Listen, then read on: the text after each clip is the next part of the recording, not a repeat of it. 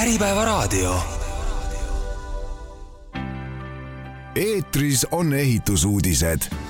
Saadet toetab Krolls, tööriiete ja isikukaitsevahendite spetsialist tere, hea Äripäeva raadio kuulaja, eetris on ehitusuudised, saade on algamas täna oleme võtnud fookusesse puitmajasektori olukorra ja saame siis, eh, nagu see saade ja selle saate pikkus võimaldab, eh, teemat lahata natukene põhjalikumalt. me oleme meediast viimaste kuude jooksul, kui mitte pikemalt, eh, kuulnud raskustest selles sektoris, aga püüame siis nüüd siin lähima neljakümne viie minuti jooksul natukene lahata, kus need raskused täpsemalt on, millises äh, osas on võib-olla paremaks läinud ja mis on ka positiivsed äh, mõjutajad puitmaja sektoris, puitmaja tootjatele Eestis.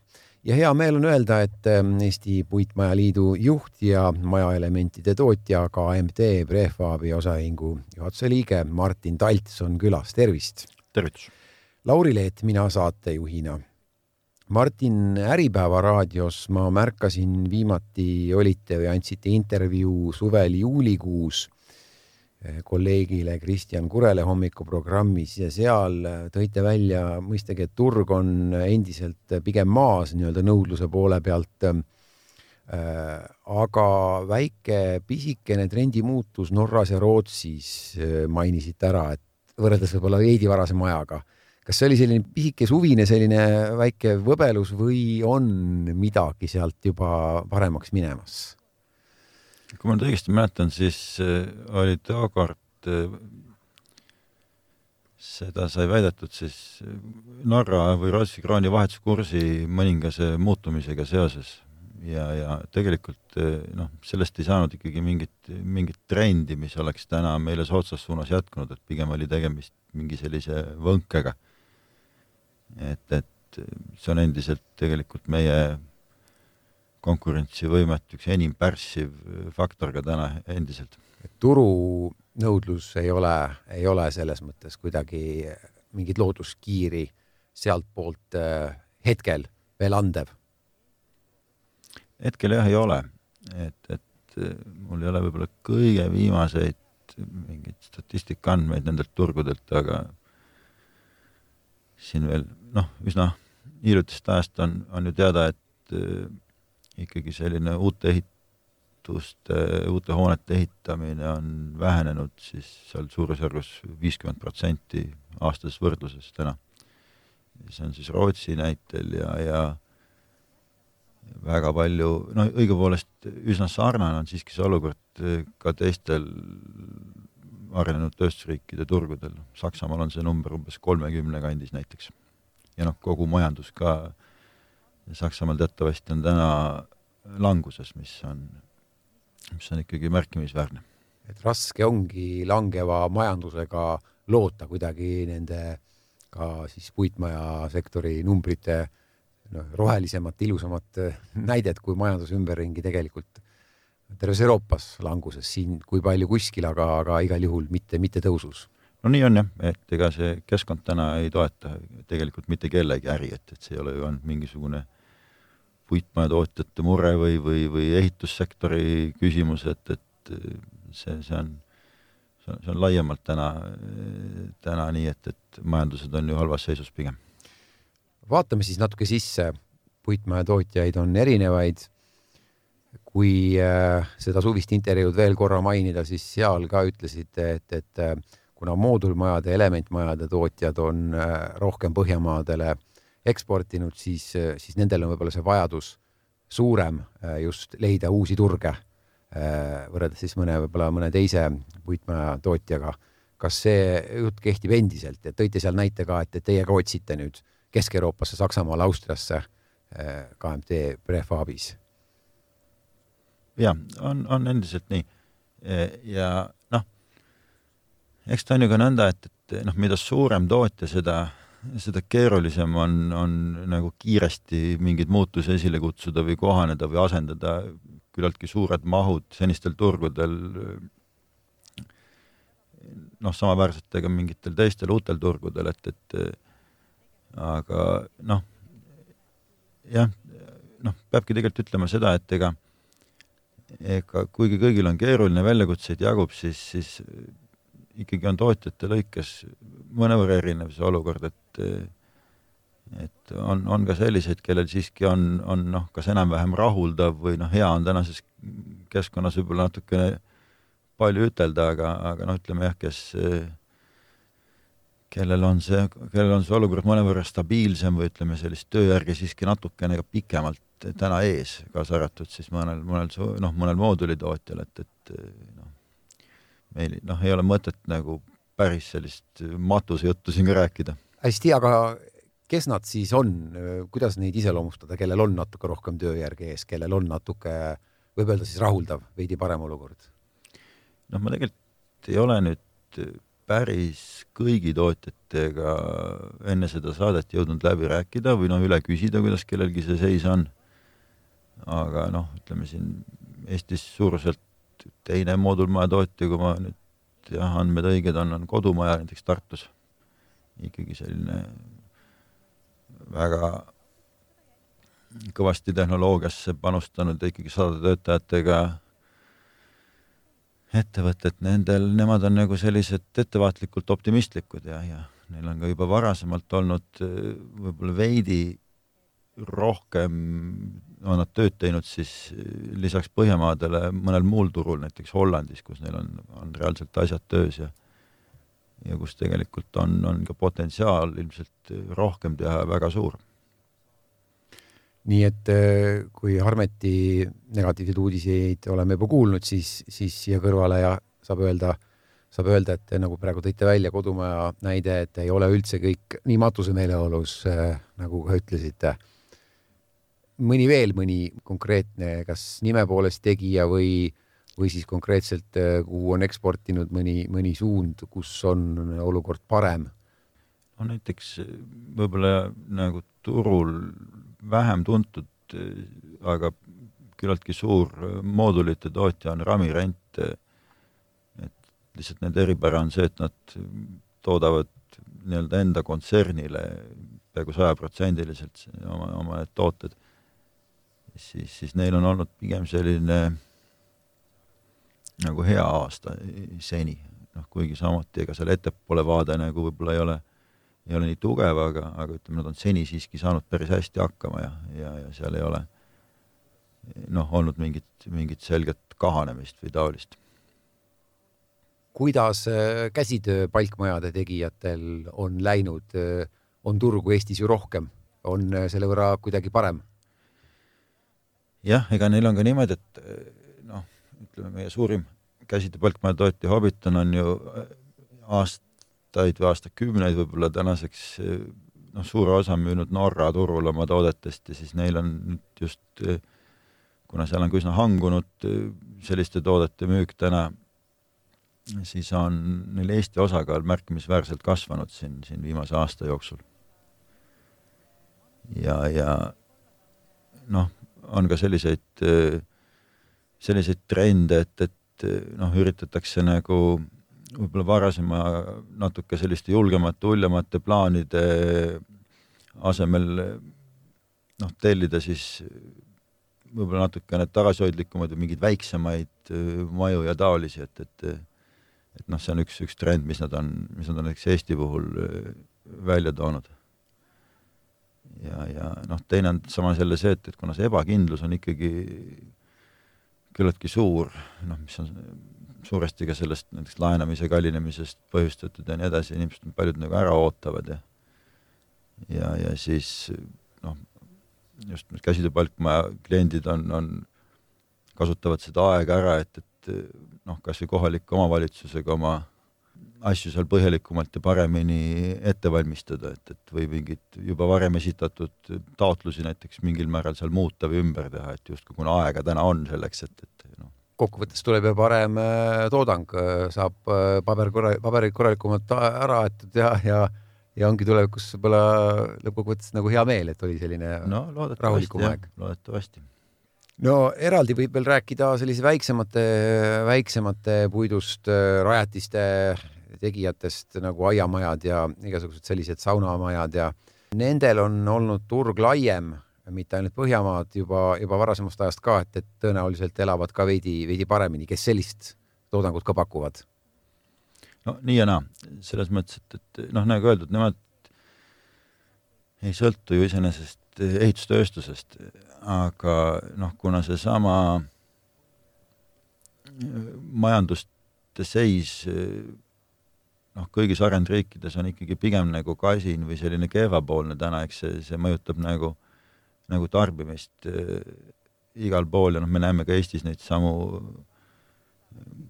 vist peaaegu et esmakordselt üle väga pika aja mingeid jaekaubanduse näitajate tagasiminekuid, eks ole, et, et noh, ma arvan, et see võib olla veidi sarnane või peaks olema veidi sarnane noh, ka, ka muudes riikides ja, eks see mõjutab näiteks siis samade aiamajade tootjate nõudlust kindlasti ka.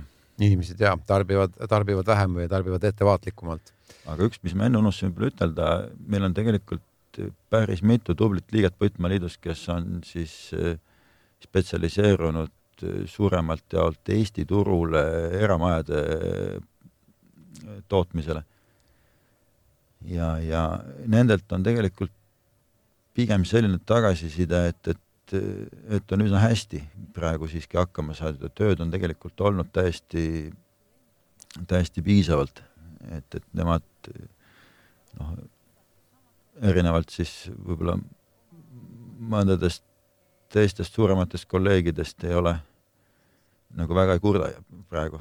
et Eesti eramaja klient, et Eestis on sellist klienti, kellel on äh, huvi võimalusi tellida omale eramaja ja, ja tahab nii-öelda lõpp, valmis lahendust ja kui seda suudab pakkuja puitmajatootja, siis, siis, siis see tundub, et on, on, on teema. seda räägivad ka kinnisvara valdkonna inimesed, et tegelikult on kinnisvarasektoris neid inimesi ka, kes, kellel on raha olemas, kes ei vaja pangalaenu ka kes eh, ostavadki, otsivadki maamaju ja otsivadki võib-olla eksklusiivsemat, eh, et see võib-olla natuke korreleerub selle jutuga, et. jah, täpselt nii ongi tegelikult, et noh, needsamad eh, tootjad meil noh, kas just kõik, aga, aga mitmed siiski nendest jah, pakuvad ka pigem sellist ikkagi natukene ülemise otsa tooteid, et, et, seal on täiesti võimalik, et, et ost-, ehitat-, tellitaksegi neid ilma, ilma, ilma laenuta neid, neid maju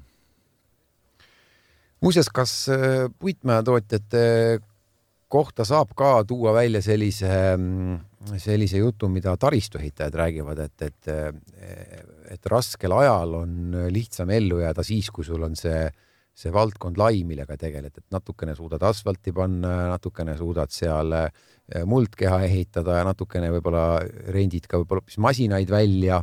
et kui üks osa kaobki ära turunõudluse kahanemisel, siis teine osa ka aitab välja, et kas, kas puitmaesektoris saab ka niimoodi öelda, et elavad paremini need, kellel on see lai, see, see toodete valik ja kas tegelikult üldse on võimalik, et sa hoiad selle hästi laia?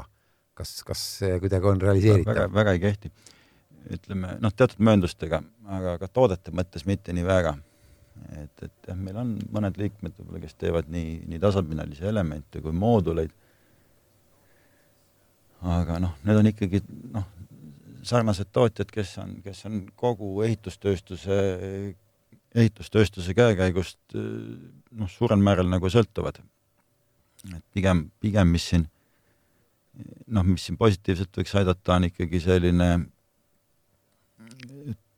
hajutamine uute turgude mõttes või noh, proovida leida, leida uusi turge või ka siis olemasolevatel turgudel uusi kliente. septembris saatsite ka Puitmäetootjate Liidust valitsusele pöördumise, eh, kus siis eh, toote selle, selle, selle sektori raskused välja ja, ja seal siis eh, kirjeldate seda olukorda ja toot, toote ka välja mitmeid ettepanekuid, mida, mida siis teie nägemuses võiks ja peaks tegema, et, et, et see olukord paraneks no näiteks, et, et fikseerida Rootsi-Norra kursi euro suhtes kuni majanduse taastumiseni või, või, või, või siis eh, toetada uute turgude leidmist, et olete saanud vastuse valitsuselt või mis see tagasiside on? ei ole saanud. aga tõe huvides peab, tõe huvides peab ka ütlema seda, et, et see pöördumine valitsuse poole oli tegelikult ajendatud ühe valitsuse liikme pöördumisest omakorda meile, et, et ta siis küsis konkreetselt, et mida peaks tegema, et teil nagu parem või kergem oleks. ja siis oli nii-öelda tegelikult meie vastus. ja, ja noh, me adresseerisime selle siis veidi hiljem küll, küll tervele valitsusele no kriitikud võiksid kohe öelda nende ettepanekute kohta, et ju kõik maksavad raha, need ettepanekud, et eh, kuidas siis eh, nüüd riigi rahalises olukorras maksumaksja taskust nüüd ühte sektorit niimoodi on võimalik eh, toetada või, või, või miks peaks üldse? noh, ütleme, et, et me pakkusime tegelikult välja asju enamuses, mida saaks hästi kiiresti teha. ja noh, päris kindlasti on see, on see riigi huvides, et, et töökohad säiliksid ja, ja makse edasi laekuks. et siin ei ole selles mõttes noh ja, ja noh, lisaks tuleb veel öelda seda, et, et me ju nagu tegime ettepanekuid asjade osas, mis, mida, mida niikuinii on vaja teha, lihtsalt et, et kuidas neid võiks natuke teisiti või paremini või kiiremini teha. tooge veel mõni näide, ma siin kaks tükki kohmakalt mainisin, et mis ettepanekud need veel olid? No üks, üks konkreetne ettepanek oli näiteks äh, ehitada kiiresti juurde lasteaedasid siis moodulitest äh, omavalitsustes, kus lasteaiakohti napib, et siin Tallinna lähiümbruses on neid õige mitu, et hinnanguliselt on vist kaks tuhat lasteaiakohta äkki puudu. ja moodulitest on tehtud ju lasteaedu Eestis õige mitmeid ja, ja päris õnnestunult, et, et noh, kas või võtta, võttes aluseks kas siis samad või, või kergelt kohandatud projektid oleks võimalik äh, väga kiiresti nendega edasi liikuda ja noh, teine, mis ettepanek, mis me muuhulgas tegime, siis on, on renoveerimistoetust äh, kortermajadele siis järgmise taotlusvooru puhul äh, veidikene muuta. Andes siis teha sellisele renoveerimisele kohe konkreetselt äh, mingi selge osakaalu kogu sellest toetuse nii-öelda kogusummast ja, ja võib-olla siis ka noh, erakorraliselt või, või ka ühekordse meetmena järgmises taotlusvoorus toetusmäära tõsta. kuna, mis oleks ka võib-olla selles mõttes põhjendatud, et, et kevadine taotlusvoor mitmes mõttes ebaõnnestus. kuna seal ei olnud ühtegi tehaselise renoveerimise taotlust ja lisaks on sealt ilmselt veel väga suur osa rahast kasutamata, kuna noh, kõrge laenuhinna tõttu lihtsalt ühistud ei, ei, ei ole valmis täna, täna laenama või ka noh, suutelised laenama, et, et et ajutiselt kas või ühes taotlusvoorus nüüd siis järgmises toetusmäära tõstmine võiks, võiks tegelikult päris palju aidata. hakkame nüüd rääkima toormest, siis puidu kokkuostuhindadest, saematerjali hindadest. selles osas on olukord natuke parem kui aasta ja, ja rohkem tagasi, kui puiduhinnad olid ikka väga laes, eks ole, Martin. kui palju nüüd on puiduhinnad alla tulnud ja kui palju see on aidanud majatootjaid, et toore selles mõttes on odavamalt käes? Ma jään vastuse võlgu, kui palju on puit aastatagusega võrreldes odavnenud, kuna ma ei ole jõudnud neid andmeid täpselt üle kontrollida, et ei taha valesti siin ütelda aga on toimunud tõesti mõningane hinnalangus. teisalt on mõned muud olulised materjalid nagu soojusmaterjalid või mingid, mingid plaatmaterjalid, mille hind on jällegi mõnevõrra siiski tõusnud. aga ütleme, see, see mõju ei ole nüüd teab mis suur. ja, ja, ja kättesaadavus nagu toore mõttes on täna noh, stabiliseerunud või ütleme, see, selle kättesaadavusega ei ole ka täna muret hinna osas äh, arusaadav, et täpseid andmeid ei, ei oska niimoodi öelda, aga, aga see langus on, no ma lihtsalt niimoodi tunnetuse järgi pakun, et, et ikkagi olnud suurem kui kümme protsenti puidu hinna langus. jah, suurusjärgus võib ta ka olla, olla veidi rohkem, jah. Kuidas on see Venemaa turu ärakadumine nüüd mõjutanud, te ütlesite, et on läinud stabiilsemaks, et kindlasti koroonaajaga võrreldes on see, on see materjal kergemini kättesaadav, aga samal ajal Venemaalt ju enam ei saa, kui palju see on raskendanud omakorda? ütleme, kättesaadavusega iseenesest ei ole erilist muret või üldse ei ole. aga teatavasti siis enne Ukraina sõja algust ja enne sanktsioonide kehtestamist imporditi Eestisse circa kolmandik saematerjalist või ehituspuidust. ja nüüd, kus on ära lõppenud, siis mitte, mitte terve kolmandik, aga, aga, aga noh, teatud osa sellest on asendatud impordiga Skandinaaviast. ja noh, tegelikult tähendab siis seda, et et Skandinaavia tootjatega võrreldes on, on meil toore kallim. ja see on ikkagi nagu noh, meie toote Hiinas on selle, selle osakaal arvestatavalt suur ja see, see kindlasti pärsib meie, meie konkurentsivõimet eh, siis sama Skandinaavias, lisaks muudele teguritele, nagu see jutuks olnud vahetuskursi vahe ja, ja, ja noh, niigi väga madal nõudlus täna. Et, et noh, jah, meil on, eks ole, veel ka noh, täiendav suurem transpordikulu tooteid sinna viies. ja, ja kui nüüd oluline sisend on, on, on ka mõnevõrra kallim, siis, siis see jah, mõjub, mõjub üheselt halvasti konkurentsivõimele. et mis siis järele jääb, kui saematerjal tuleb äh, Põhjamaadest sisse osta, siin kohapeal see maja valmis teha ja siis minna sinna turule, et viia see maja tagasi, et konkureerida seal kohapeal samast materjalist äh, äh, tootjaga. tööjõukulud meil pole ka enam ju madalamad mis siis üldse nagu jääb alles, mille võrra siis siin äh, üldse veel konkurentsi säilitada? ongi keeruline. no lihtsalt korrektsuse huvides ma igaks juhuks täpsustan, et, et noh, sellest saematerjalist äh, tuleb siiski Skandinaaviast äh, väike osa, pigem nagu väiksem ja. osa jah, et, et ma jällegi ei oska siin nagu täpset numbrit ütelda, aga, aga noh, ta ei ole kindlasti kogu materjal. aga noh, iseenesest jah, see viide sellele konkurentsieelisele või kas, kas ja kas ja kas teda üldse enam on ja milles see nagu seisneb, on, on igati nagu õigustatud, et, et et noh, täna, täna ongi meie argumendid on siis, on siis meie hea inseneeria, meie paindlikkus, meie, meie, meie kogemus, oskused, võimekus teha ka keerulisi asju et, et noh, need on meie, meie tänased peamised argumendid noh, välisturgudel müümisel. et selge see, et, et noh, see odava tööjõu aeg on, on tegelikult juba ju mõnda aega otsas, et, et kuigi seal on teatud kindlasti noh, palgaerinevus veel alles, aga, aga neid kõiki muid tegureid arvesse võttes ei ole see mingisugune määrav eelis enam ammu. Kas üldse saab äh, puitmaja või, või puitmaja mooduleid või, või, või siis ka terveid elemente teha nagu kuidagi veel kvaliteetsemaks, veel kuidagi, ma ei tea, intelligentsemaks, targemaks, no ma ei tea, veel soojapidavamaks tõenäoliselt saab, eks ole, veel kvaliteetsemaks, vastupidavamaks.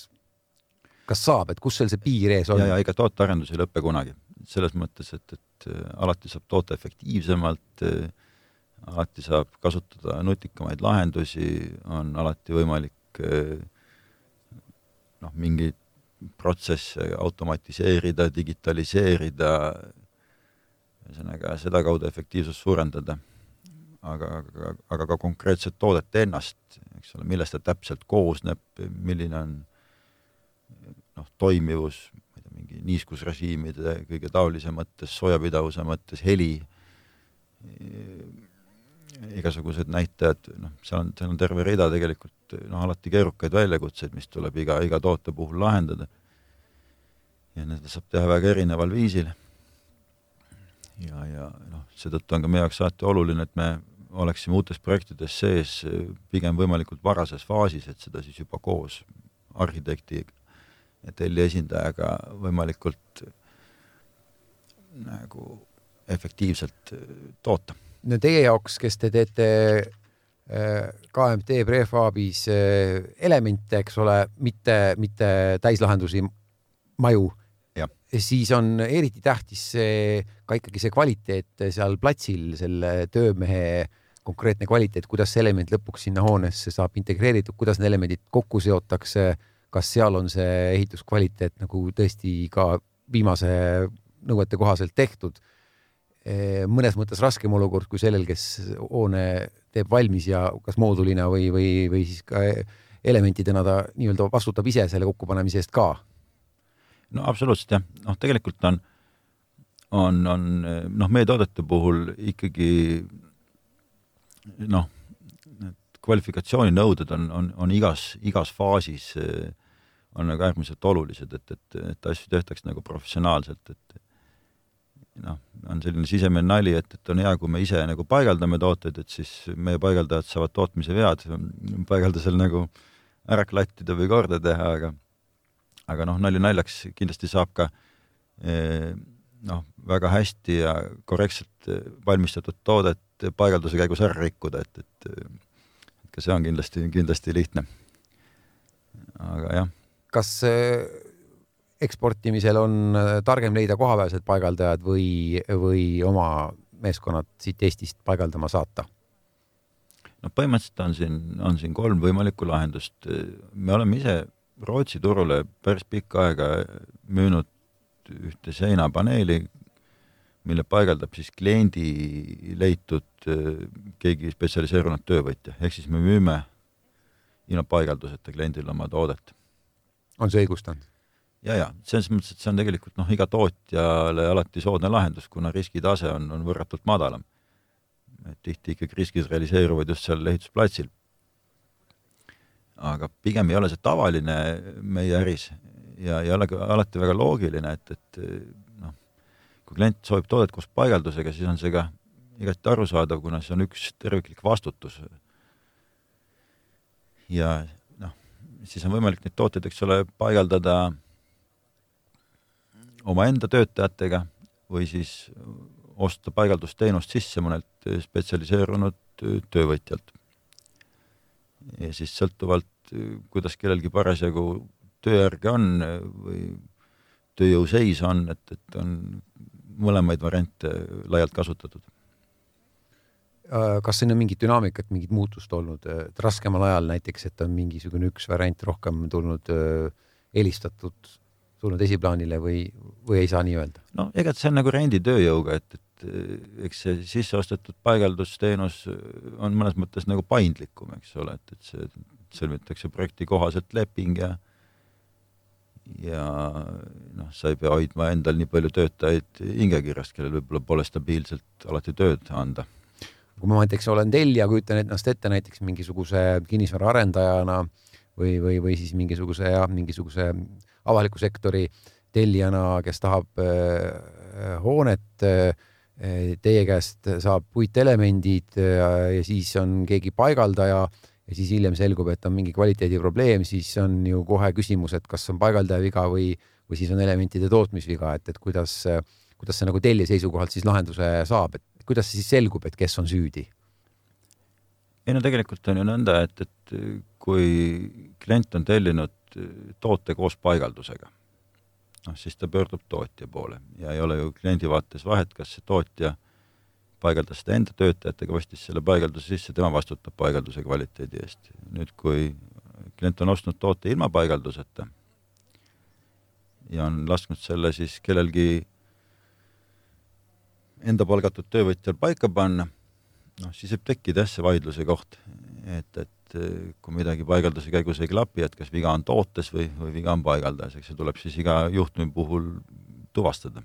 noh, see ei tohiks tegelikult ka enamasti ülemäära keeruline olla, aga, aga noh, vaidlusi võib ta kindlasti põhjustada, jah nagu tundub kõrvalt, et, et, need ebameeldivad kohad, kui selliseid vaidlusi tuleb, aga nagu mainiti, et ei ole tegelikult neid palju, et ei pea selliseid vaidlusi käima lahendama, see ei ole pidanud ka aastate lõikes käima. ei ole jah e tõenäoliselt on siis Rootsi klient, kes meilt väga suures koguses umbes kümnekonna aasta vältel neid tooteid ilma paigalduseta tellis, ju tal oli siis nii hästi meiega ühiselt välja töötatud toode ja samas siis ka professionaalne paigalduspartner, kes, kes oskas seda õigesti paigaldada. hästi, tuleme Eestisse tagasi ja nende heade teemade juurde, teha selline renoveerimine tõite küll välja siin äh, saate esimeses osas, et võiks ähm, seda äh, uut korteriühistute renoveerimise vooru muuta. puitmaja liidul oli ka selline ettepanek, et, et oleks seal konkreetselt siis tehase, tehaselise renoveerimise osakaal sees aga, aga tegelikult on tehaselist renoveerimist juba tehtud, teie olete ka MT Prefabis ka teinud seitse maja on vist läbi käinud ja hiljuti ka korteriühistute liit näiteks andis äh, innovatsiooni eh, eriauhinna Nõva kolm korteriühistu majale Tartus, mis on siis täpselt tehaselise renoveerimise kaudu tehtud, välisseint ja soojustamisel kasutati uudseid tehases valmistatud puitelemente. tihtilugu nagu ei teata, et need on just puitelemendid, need tehases renoveerimise lahendused, et, et siin on just puitmaja tootjate kvaliteetne töö on selle nagu selle heaks õnnestumiseks vajalik. nii on jah et ega kuna, kuivõrd ta ju väljast on kaetud need Eestis renoveeritud, tehaseliselt renoveeritud majad sementkiudplaadiga, siis, siis puit ei paista sealt jah välja. või noh, ja, ja ta ei, ta ei pruugi olla väga märgatav ka paigaldusprotsessis, kuna seestpoolt on omakorda villakiht, et, et jah, aga tegemist on tõepoolest siis puitpaneeliga. ja väike ülevaade siis, kes võib-olla kuulajatest veel pole täpselt aru saanud ja kurssi ennast viinud, et, et, et, et kuidas see süsteem aitaks siis kortermaju kiiremini renoveerida, et mis seal see efekt äh, on? ega see põhiline efekt ongi ehitusprotsessi olulises kiirendamises. ja noh, tegelikult on ka see toode ise siiski väga erinev sellest, mis, mis on nagu kohapeal fassaadi soojustamine et, et ta on kindlasti oma materjalide mõttes selgelt kvaliteetsem. aga jah, noh, tänase kogemuse põhjal võib siis jah ütelda, et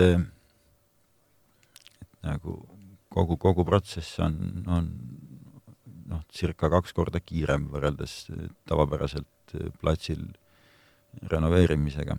ja noh, pluss on siis ka sellest tehnoloogiast tulenevalt on vähem häiringuid, et, et maja ei panda tellingutesse ja ei kaeta siis nende, nende kiledega neid tellinguid, et maja jääb avatuks. enamus tööd tehakse siis kraanade tõstukitega. ja, ja seetõttu on jah, kindlasti ka see elanikele vähem häiriv ja, ja vastuvõetav.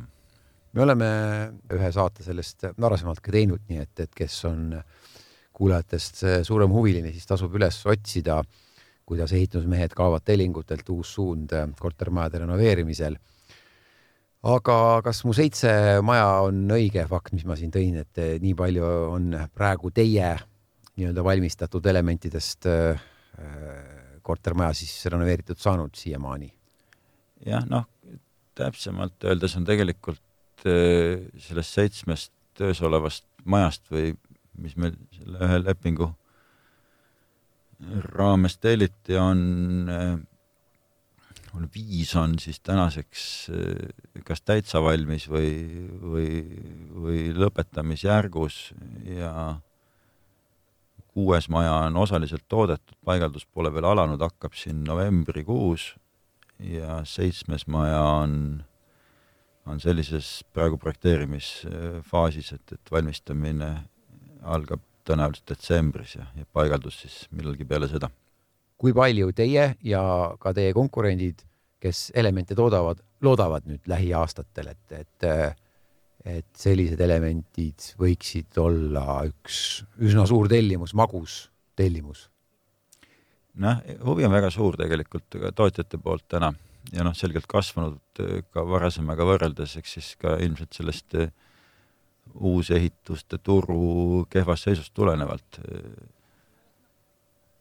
aga eks siis ole näha nüüd, kui järgmine taotlus, toetuse taotlusvoor avatakse, mis võib-olla juhtub siin siis uue aasta alguses või kõige varem selle aasta lõpus. aga noh, tegelikult tähendab see ka seda, et, et, et, et mingid reaalsed ehitustööd platsil hakkavad ju peale selle toetuse taotlemist võib-olla seal poole aasta pärast kõige varem või et, et, et vahepeal jääb ikkagi selline päris pikk periood, mis tuleb nagu muude töödega katta. et sellist äh, massilist ja kiiret äh, tellimuse hulka sealt ei, ei tule kindlasti, et kui, siis võtab teatud aja. iseenesest võib tulla, aga hästi raske on nüüd prognoosida seda, et, et noh, tegelikult see kevadise toetuse taotlusvooru kogemus oli ju mitmes mõttes halb. Kus teha sellist renoveerimist ei, toetust teha sellise renoveerimise taotlenud mitte ükski ühistu tol hetkel. hiljem küll kaks ühistut oma taotlust muutsid ja need nüüd lähevad siin uue aasta esimeses pooles töösse. aga noh, lihtsalt mis on, mis on selle juures nagu murettekitav või selline äh, signaal on see, et, et ka need tavapärasel viisil ehitusplatsil renoveerimised ei ole selle taotlusvooru järgselt äh, sellises mahus käivitunud, nagu nad seal neid äh, taotlesid, et, et ju ligi kakssada maja oli ja võib-olla mõnikümmend täna nendest on siis reaalselt oma asjadega edasi liikunud, et, et ja noh, ja selle põhiline põhjus tõenäoliselt on ikkagi tänane kallis äh, laenamine, ja, ja ei ole ju põhjust arvata, et, et siin midagi väga kiiresti selle raha hinnaga muutuks. mistõttu nagu, nagu võib ka ju juhtuda nii, et, et see järgmine, kui nüüd toetusmäär ei tõuse näiteks, jääb samasuguseks nagu praegu, et, et see võib ka ebaõnnestuda, see järgmine toetuse taotlusvoor. vähemalt osaliselt ebaõnnestuda. jah, konkreetne näide, kuidas kõrged intressimäärad, laenamise kallis nii-öelda raha hind äh, pidurdab uute, uute tellimuste tulekut sektorisse. konkreetne üks näide, eks neid on, neid kohti saaks kindlasti välja tuua rohkem. Äh, üks hea uudis veel. Äh, hiljuti saime teada, et viiekümne viie miljoni eest hakkab Nordecon ehitama Tallinnasse puidust siis loodusmaja. no see on päris suur summa, ilmselgelt on siin alltöövõtjaid Nordeconil vaja mitmeid puitmaja sektorist samuti, kes siis neid puitdetaile valmis teeksid, erinevaid no tundub nagu ilus uudis, suur, suur maht tuleb turule, suur raha Äh, oli see nagu selline mõnus kergenduse ohe, et, et oh, et nii-öelda palju oodatud riiklik tellimuste maht hakkab kasvama ka, et äh, just, et see kontratsüklilise investeerimise jutt, et näed, et nüüd jõudis kohale viiskümmend viis miljonit puittoone otse jõuab teie sektorisse. jah, eks see uudis iseenesest on, on tervitatav kahtlemata ja noh, tegemist saab ju olema ikkagi sellise puitarhitektuuri sellise sümbolehitisega, mida on hästi pikalt ette valmistatud ja ja kuhu ka Puitmaaliit juba, juba kavandamisstaadiumis äh, on hästi kaasatud ja et ta selles mõttes jah, võinuks ka juba hulka varem see otsus tulla. et, et see hange ju kõik venis ja, ja väljakuulutamine juba venis. et ta mõnes mõttes on hilinenud, see otsus, aga noh, nüüd ta lõpuks on tehtud noh, ega selle mõju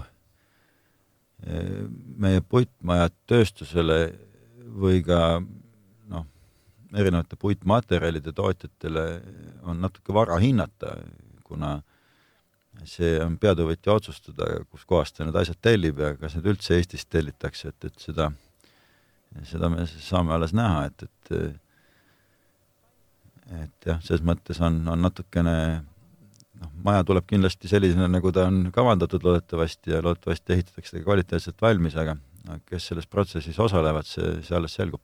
no eks siis kuuleme.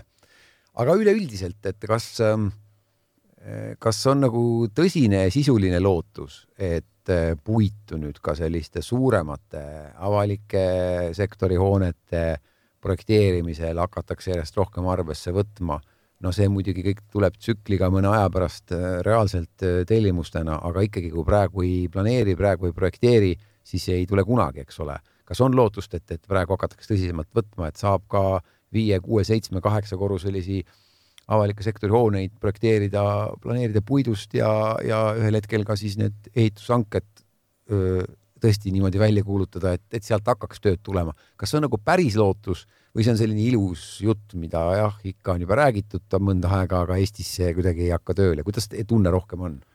see tegelikult ei ole isegi mitte lootus, vaid see on ju asi, mis, mis on juba juhtunud Eestis, et meil on tegelikult viimastest aastatest ju riigigümnaasiumite näol kas või ja ka muude avalike hoonete näol päris häid näiteid puidukasutusest avalike hoonete ehitamisel.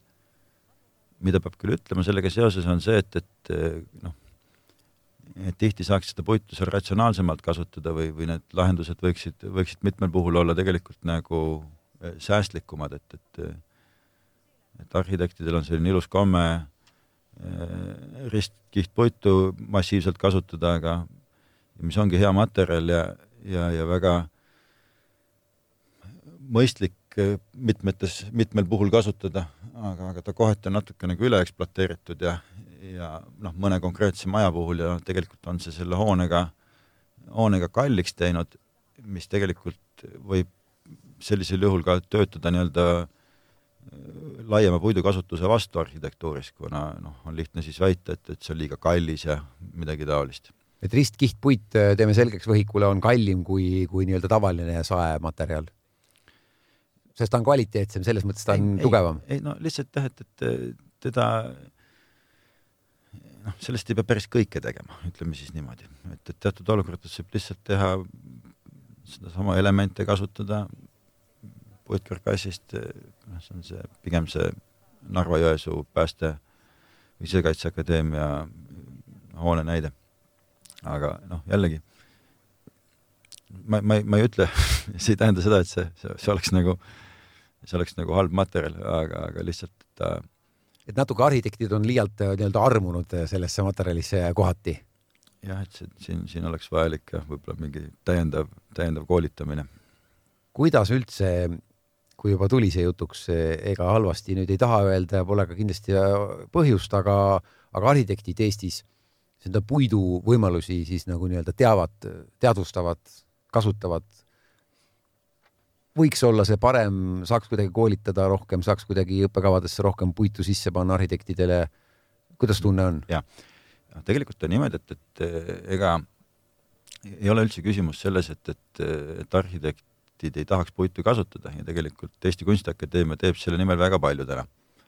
Neil on puitarhitektuuri kompetentsikeskus ja nad tegelevad sellega igapäevaselt ja seal on, ma arvan, ka noh, võimekaid entusiastlikke tegijaid, lihtsalt eh, siin tuleks võib-olla paremini ühendada, noh, sarnased mõtted on muide ka EKA inimestel juba niikuinii või noh, nende poolt ka välja käidud, et, et, et võiks olla selline puitinseneeria või selline laiem keskus, kus kus siis oleks lisaks arhitektidele kaasatud ka, ka insenere ja, ja ja võib-olla ka majatootjaid ja nende insenere, et, et et seda nagu järgmisele tasemele viia ja, ja avardada nii-öelda kasutusvõimalusi.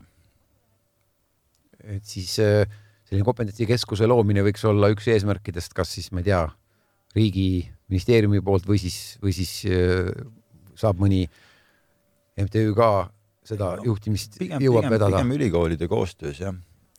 et, et siin nii, nii TalTechi kui, kui, kui Maaülikooli kui kui EKA koostöös jah, saaks võib-olla jõude ühendades äh, nagu paremaid tulemusi saavutada. viimane sisuline küsimus täna saates, ähm, aeg hakkab otsa saama. rohepööre ja selle kaudu tulevad nõuded, äh, aga ka võimalused, äh, kumba pidi see puitmajatootjate jaoks rohkem on näiteks siin Euroopa soovib rohepöördega kasutada ehituses rohkem puitu, et vähendada jalajälge, seda on välja öeldud, eks ole Äh, kuidas see tundub Eestis? kriitikuid on palju, aga samas tõepoolest rohepööre ja, ja puit tundub kuidagi, et käiks nagu ühte jalga. jah, eks ma olen meie kõrgematelt ametnikelt ikka ka mõne aja tagant küsinud, et millal Eesti seadusandlusesse siis jõuab see, need nõuded konkreetselt, et kuidas siis ehituste puhul emissioone vähendada või piirata ja täna ma saan aru, ollakse sellises ajakavas, et kahe tuhande kahekümne viiendal aastal võiksid jõustuda mingid normid nagu Eestis, mis seda siis täpsemalt reguleerivad, et, et mõndades riikides on nad täna juba jõustatud. näiteks Taanis on esimesi samme reaalselt astutud. sakslastel on puitehituse strateegia hiljuti vastu võetud, aga seaduse tasandil veel niimoodi emissioone ehituste puhul, uusehituste puhul minu teada ei piirata, aga ollakse kindlasti ka sinnapoole teel ja tegelikult kõigis Põhjamaades samamoodi, et, et seal ollakse Eestis pigem, pigem mõnevõrra kaugemal nende asjadega. ja siis noh, eks ta seda tähendabki, et, et puidust ehitamisele on see üheselt soodne ja selle osakaal selliste regulatsioonide mõjul hakkab, hakkab, hakkab kiiresti kasvama päris lõpetuseks pisikene detail lõppu, Äripäevas oodatakse arve ka, et, et kui nüüd käesoleva aasta eelarve võtta, mis aasta lõpuks võiks tulla kas, kas kolmkümmend protsenti väiksem kui eelmine aasta on? Selline realistlik saavutus, et selle võiks et, et kolmekümne protsendiline langus on aasta lõpuks võrreldes aasta varasemaga üldse siis ütleme sektoris või ka siis, kuidas soovite öelda, KMT Prefabis on see kolmkümmend protsenti langust selline hea saavutus, kui see, kui see aasta lõpus oleks joone all? ma arvan, et, et kogu Eesti puitmajatööstuses võib see sellises suurusjärgus olla, võib ka veidi vähem olla, nüüd jooksvat statistikat ei julge öelda, aga langus on, on kindlasti vastu vaatamas sel aastal. üksikute ettevõtete lõikes eh, on kindlasti näitajad hästi erinevad, aga enda ettevõtte näitel tõenäoliselt ei ole üldse mingit langust, aga, aga aga seda ka ikkagi väga nõrga eelmise aasta taustal samas, et, et siin ka midagi väga uhkustada ei ole. soovin jõudu, soovin ja hoian pöialt, et järgmised aastad siis äh, oleksid paremad ja saaksime juba aasta pärast rääkida, rääkida nagu ka numbrite mõttes paremat keelt ja need uued projektid ka kõik, et nad läheksid käima ja tooksid tellimusi ja Eesti puitmaja tootmine areneks. aitäh, Puitmaliidu juht Martin Talts tulemast saatesse ja rääkimast. ja hea kuulaja, selline eetris on ehitusuudised sel korral kuu aja pärast uue saate uue teemaga. Kuulmiseni